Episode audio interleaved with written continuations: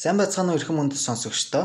Өнөөдрийн өмгөөлөгчтэйгээ ярилцах сэдэв бол хүний эрүүл мэндэд хөнгөн хохирол санаатай учруулах гэмтэргийн талаар ярилцах болно. Танд энэ өдрийн мэндийг хүргэе. Чамд ч бас энэ өдрийн мэндийг хүргэе. Баярлалаа. Хүний эрүүл мэндэд хөнгөн хохирол санаатай учруулах гэмт хэрэг үйлдсэн хүнд ямар төрлийн хариуцлага хүлээлгдэм болоо? Хэрэг тийм ер нь л асуултаар бол хариуцлагын талаар бол асууж байна тийм ээ. Тэгэхээр одоо эргүүлийн тусгай ангийн 11.6 буюу хүний эрүүл мэндэд хөнгөн охирол санаатай учруулах гэмтрийг тусгасан байдаг. За уг гэмтрийн бас нэг онцлог шин чанар нь юу гэхээр бусдын бие махбодод хөнгөн зэрэг одоо хөдөлмөрийн чадвар алдагдуулахгүй байх, сарниулахгүй байх хэмжээний гэмтэл очруулснаар онцлог байдаг.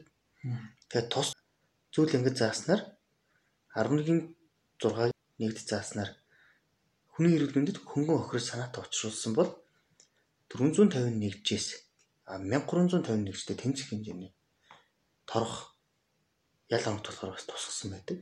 Нэг үргэлжлэл 450 мянгаас сая 350 мянган хүртэлх хэмжээгээр торгоно. А эсвэл 240 цагаас 720 цаг хүртэл хугацаанд нийтэд тустай ажил хийх яшигдэл бас оногдуулахаар боломжтойгоор тусгасан байна. А мөн 1 сараас 6 сар 3 сар хүртэл хугацаагаар зорчих эрхийг хязгаарлах. За ийм гурван төрлийн яш итгэл хугацаатай болон хэмжээгээр нь заагаад өгсөн байдаг. За энэ бол зөвхөн 11-6-гийн нэгт их заалтанд заасан хариуцлагын талаар тусгасан. Мэдээж хэрэг альва гэмт хэрэг дээр бас хөндрүүлэх бас зүйл ангууд орсон байдаг. За энэ хүний эрүүл мэндэд хөнгөн охир санаат очруулах гэмтрийн энэ хөндрүүлж байгаа нөхцөл байдалтайгаар үлдгэсэн тохиолдолд бас шийдвэл бас харилцаа адилгүй тусгасан байна.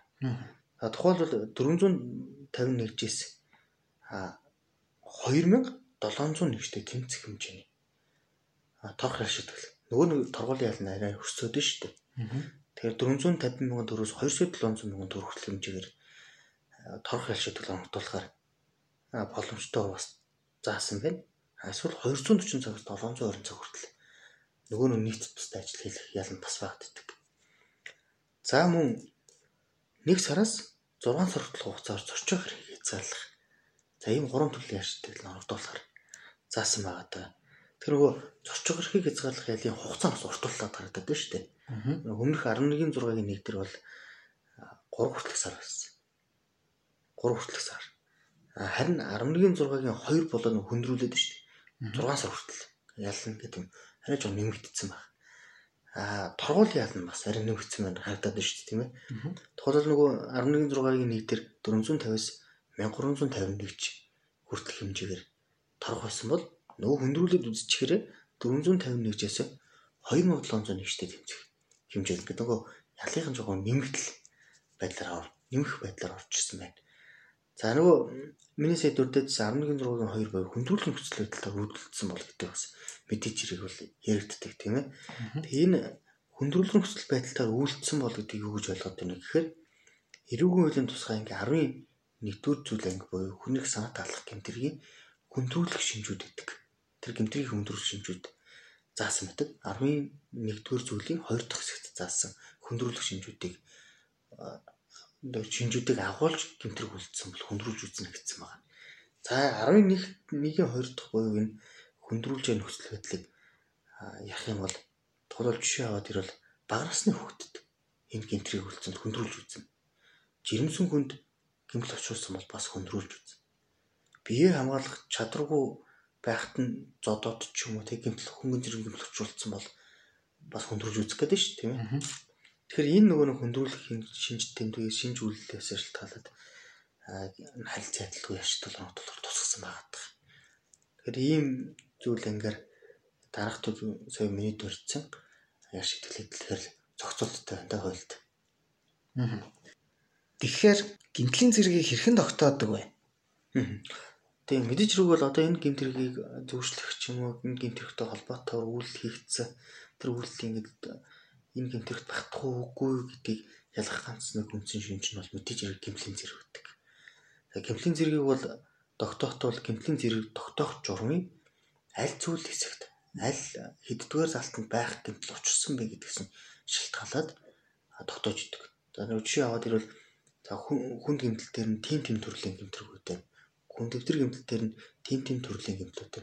Хөнгөн гэмтэл дээр нь магадгүй тий шалбархаа ч юм няцралт ч юм уу гэл ингээд тийм янз бүрийн гэмтлүүдэд тусгасан найрчлаад заасан байна л да.